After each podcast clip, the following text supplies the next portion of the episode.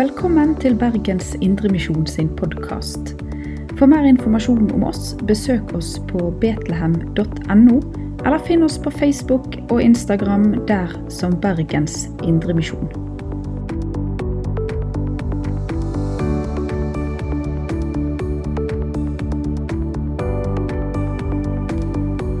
Ja, det er en historisk dag.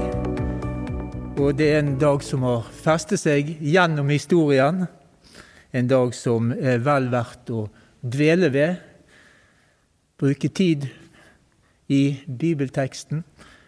Og ikke minst betrakte hva som har skjedd nettopp på denne dagen for oss alle. Vi har allerede fått høre noe av det som skjer denne dagen i Jerusalem.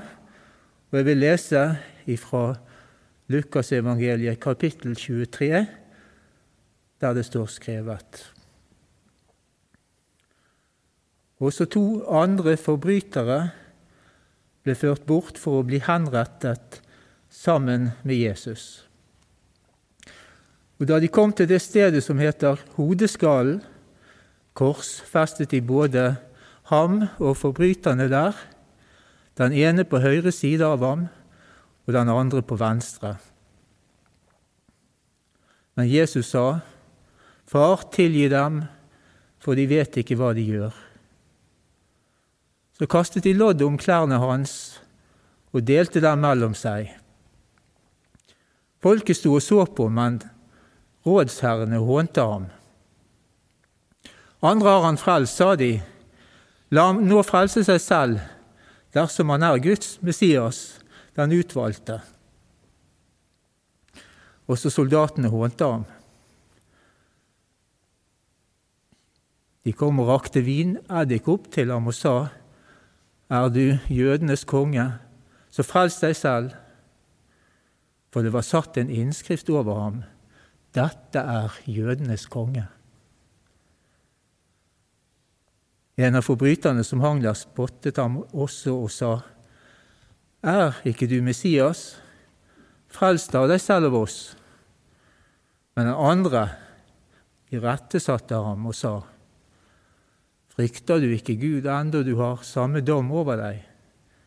For oss er dommen rettferdig, vi får bare igjen for det vi har gjort, men han har ikke gjort noe galt. Så sa han, Jesus, husk på meg når du kommer i ditt rike. Og Jesus svarte, Sannelig, jeg sier deg, i dag skal du få være med meg i paradis.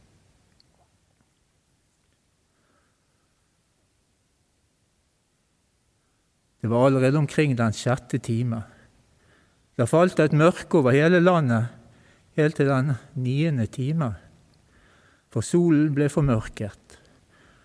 Forhenget i tempelet revnet etter midten, og Jesus ropte med høy røst, Far, i dine hender overgir jeg min ånd. Da han hadde sagt det, utåndet han. Slik lyder Herrens ord. Skal vi be.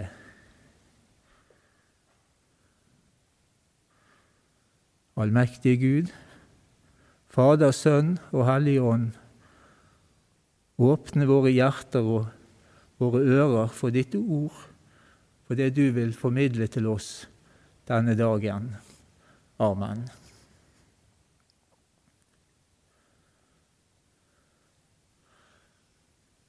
Vi har hørt, blitt lest, fra evangeliet etter Lukas der Jesu korsfestelse og hans vei til korset blir beskrevet.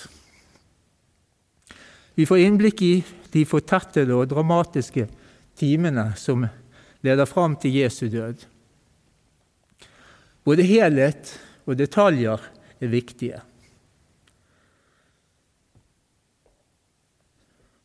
Hele fortellingen, hele historien formidler og forkynner oss noe helt sentralt. Også detaljer skal vi prøve å få med oss når vi leser denne teksten. Det første vil stoppe opp ved, er at Jesu korsfestelse er en oppfyllelse av Skriftens ord.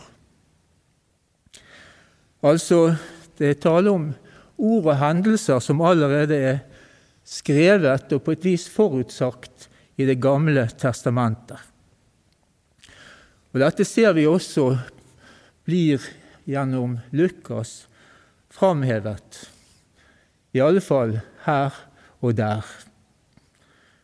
Og Vi ser også at korsfestelsen har på et vis blitt nedskrevet, og på den måten skal gjøre det lettere for oss og andre å tilegne oss at dette er ingen tilfeldighet, dette som skjer denne dagen. Det er en del av Guds frelsesplan for alle mennesker. Dette er det første punkt vi skal i hvert fall ta med oss denne dagen. Videre så er det viktig, tenker jeg, for evangeliet, men også for oss, å tenke at dette er en del av Guds vilje med Jesu liv. Det er altså ikke bare en uheldig hendelse, en, eh, det vi kunne kalt en eh, dårlig rettssak der, der skyldige blir dømt som uskyldige og motsatt. Selv om dette også skjer når Barabas får gå fri, og den uskyldige Jesus han blir dømt og blir regnet som en forbryter og, får ta den, og må ta den straffen som blir lagt på hans skuldre denne dagen. Men det er altså en del av Guds frelsesplan og på mange måter høydepunktet i Jesu komme som menneske for vår skyld, til frelse for oss og alle. Det er en tjeneste han gjør i avhengighet og lydighet til Faderen. Det er altså en nærhet, en fullkommenhet, hele veien der dette oppfylles gjennom Jesu liv, inkludert langfredagens dramatiske hendelser. Det tredje jeg vil si innledningsvis, det er at evangeliet og evangeliene gir oss en forståelse av at korsfestelsen det er høydepunktet i Jesu frelsesgjerning for vår skyld. Dette ser vi på en særlig måte ved at det er nettopp denne dagen og de fortettede dagene knyttet til langfredagen, så på en særlig måte det brukes tid på og man får fram detaljer fra i de ulike evangeliene. Samtidig er det ett evangelium som peker på det samme, at Jesus dør for vår skyld. Dette utdypes også, vet vi, gjennom apostlenes skrifter ellers i Bibelen. I Lukasevangeliet beskrives det som skjer denne dagen, bl.a. med et sitat fra Salme 22, der det står skrevet at de kaster lodd om kappen og deler klærne mellom seg. Dette er altså noe som framheves, og på en særlig måte i alle fall gir gjenkjennelse for den som er kjent i Skriften. Salme 22 er en klagesalme den beskriver også andre detaljer som gir gjenkjennelse til denne dagen. Det står, eller beskrives, et menneske som spottes, og det står også om en der hender og føtter blir gjennombåret. En salme som altså gir klare assosiasjoner til korsfestelsen av Jesus, og nærmest å regne som en profeti.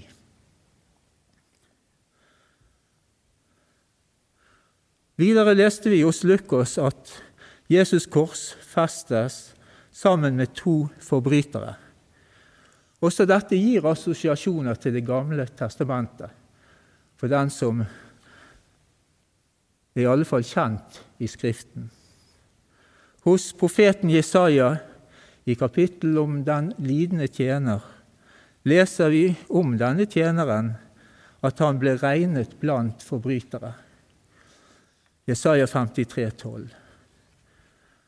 Dette skriftord i Det gamle testamentet det blir hos Lukas også framhevet gjennom at Jesus selv henviser til dette ord tidligere denne langfredagen i samtale med de tolv.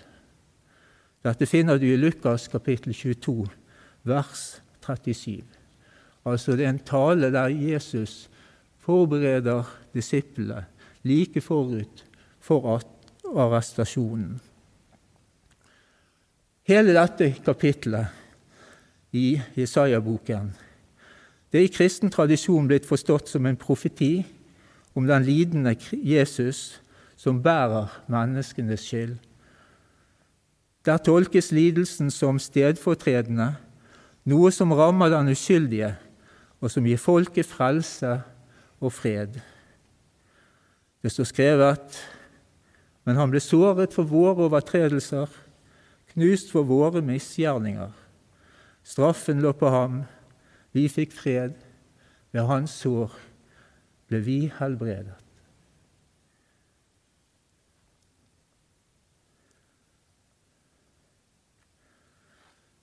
Langfredagens evangeliefortelling begynner i Getsemane, der Jesus er i bønn. Han er bevisst hva som venter av lidelse og død, og han kjemper og ber om at Faderens vilje må skje. Men det er tydelig også at lidelsens beger må også drikkes. Frelsesveien er ennå ikke fullført på dette tidspunkt. De siste tunge steg må også gås opp av Jesus for at frelsen fullt og helt kan etableres og åpenbares ved ham.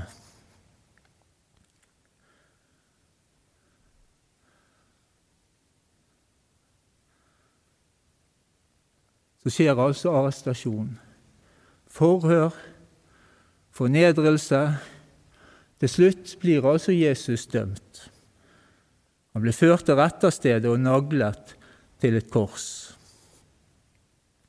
Mørket senker seg over Jerusalem, selv om solen ennå er oppe.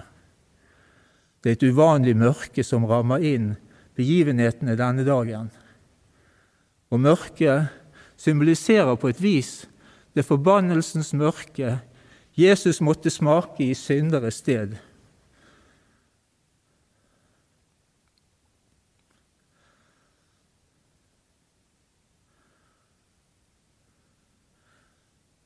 så henger han der på korset. Men det ble reist altså tre kors utenfor bymuren i Jerusalem denne dagen.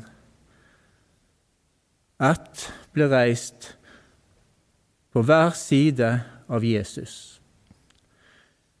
I disse tre kors ligger en dypere symbolikk. Det er sagt at de viser en som dør i synden, en som dør fra synden, og en som dør for synden. I utgangspunktet er disse to røverne i samme situasjon, i samme stilling, kunne vi sagt, i deres forhold til Jesus. Begge spotter, leser vi et sted i evangeliefortellingene. Men så liksom som om de skiller lag, disse menneskene. Selv om de har sannsynligvis noe eller ganske så lik bakgrunn for at de til slutt blir dømt, begge to, og korsfestet denne dagen. Den ene av dem fortsetter å henge seg på, liksom folkets spott, og han utroper, sier til Jesus Frels deg selv og oss. I betydningen berg oss nå fra denne lidelsesfulle død, og vis oss at du er Messias. Ja, vis at du kan frelse folket fra undertrykkerne. Det var jo liksom denne forventning mange hadde om denne Messias som skulle komme. Men denne spotten og denne forventningen knyttet til Messias uttrykker en forståelse av frelse som utelukkende dennesidig og utilstrekkelig. For Guds frelseshandling er dypere og mer omfattende. Og den krever nettopp lidelse og død. Og Jesus motstår denne fristelsen og demonstrerer og beviser sin makt ved å stige ned fra korset. Og vi får si heldigvis. Han lar passivt lidelsen skje, og fornedrelsen, den fullendes.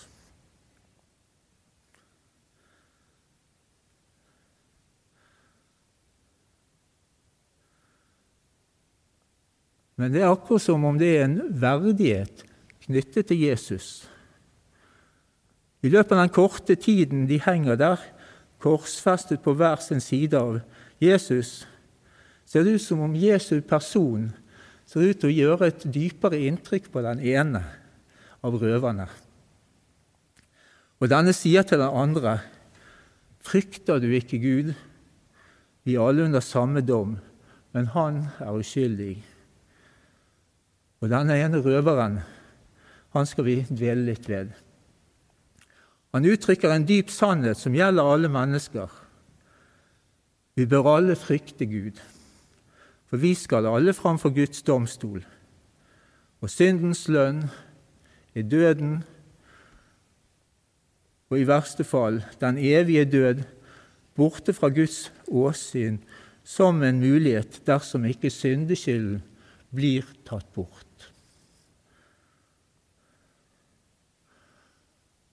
så heldigvis ikke det det eneste som skal sies om dette.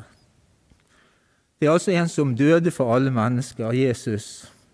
Han led som et uskyldig lam til beste for syndere. Han gikk inn i vår dypeste nød og bar de største og de minste synder som mennesker til alle tider har gjort, og gjorde soning med sin død en gang for alle. Slik er han vår stedfortreder og frelser, og slik vil han berge oss i dommen og gi oss del i en frifinnelsesdom for Guds domstol.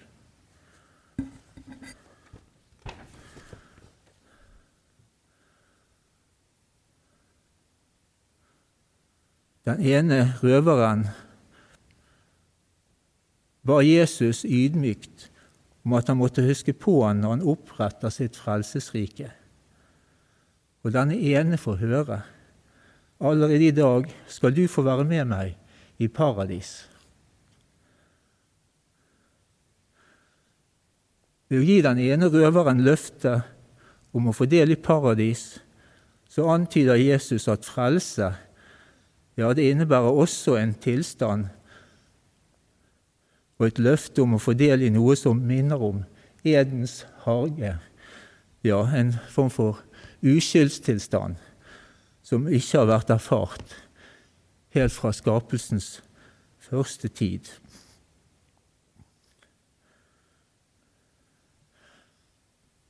Det må iallfall være noe å se fram til.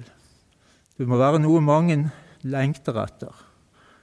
Og jeg tror mange også har en forestilling om at dette er sant. Det er virkelig noe som lyser der framme som et evighetshåp for mange. Å få del i dette paradisiske løftet.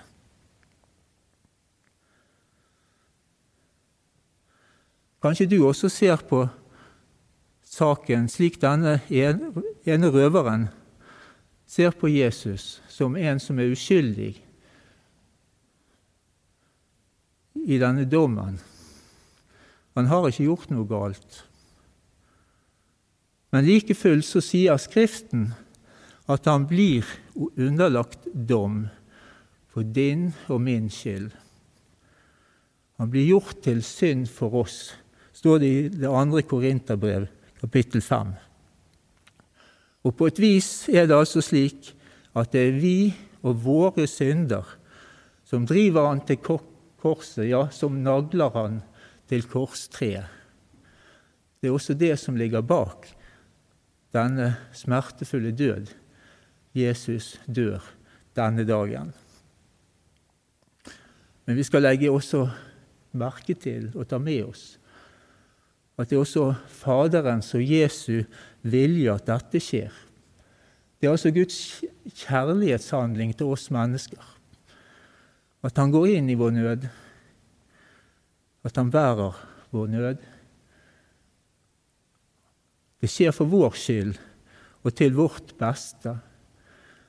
At Jesus ble Guds syndebukk, det er Guds offerlam som skulle bære bort all verdens synd, også min og din synd.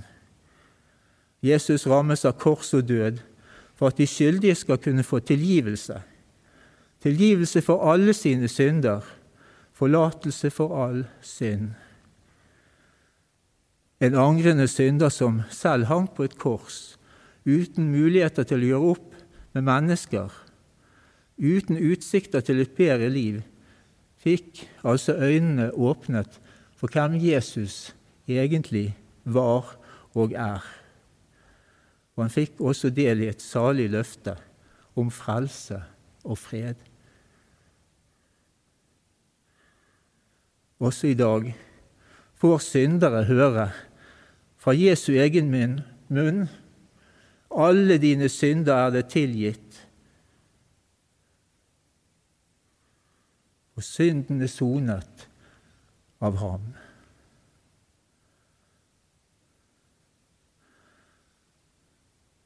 Også du som tror at Jesus er slik han beskrives i Skriften, kan i dag få tro at også du skal få være med Jesus i hans frelsesrike. Ja, måtte også du få se Jesus som din frelser. Han som rettferdiggjør den ugudelige og oppreiser de uverdige. Og Skriften vitner om dette slik det står skrevet i Romane kapittel 3.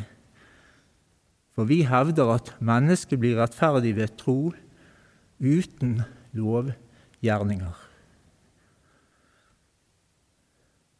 Tror du dette løftet om Jesus, at han har vunnet deg rettferdighet for Gud ved sin død? Ja, gjør du det, da er du salig.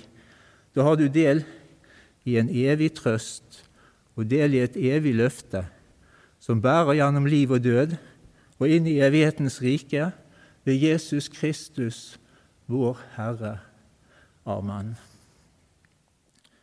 Ære være Faderen og Sønnen og Den hellige ånd, som var og er og være skal, en sann Gud fra evighet og til evighet. Amen. La oss be. Skriv deg Jesus på mitt hjerte, du min konge og min Gud, at ei lyst, ei heller smerte, deg formår å slette ut. Denne innskrift på meg sett, Jesus ifra Nasaret, den korsfestede min ære og min salighet skal være. Amen. Du har lytta til Bergens Indremisjon sin podkast. For mer informasjon om oss, besøk oss på betlehem.no, eller finn oss på Facebook og Instagram der som Bergens Indremisjon.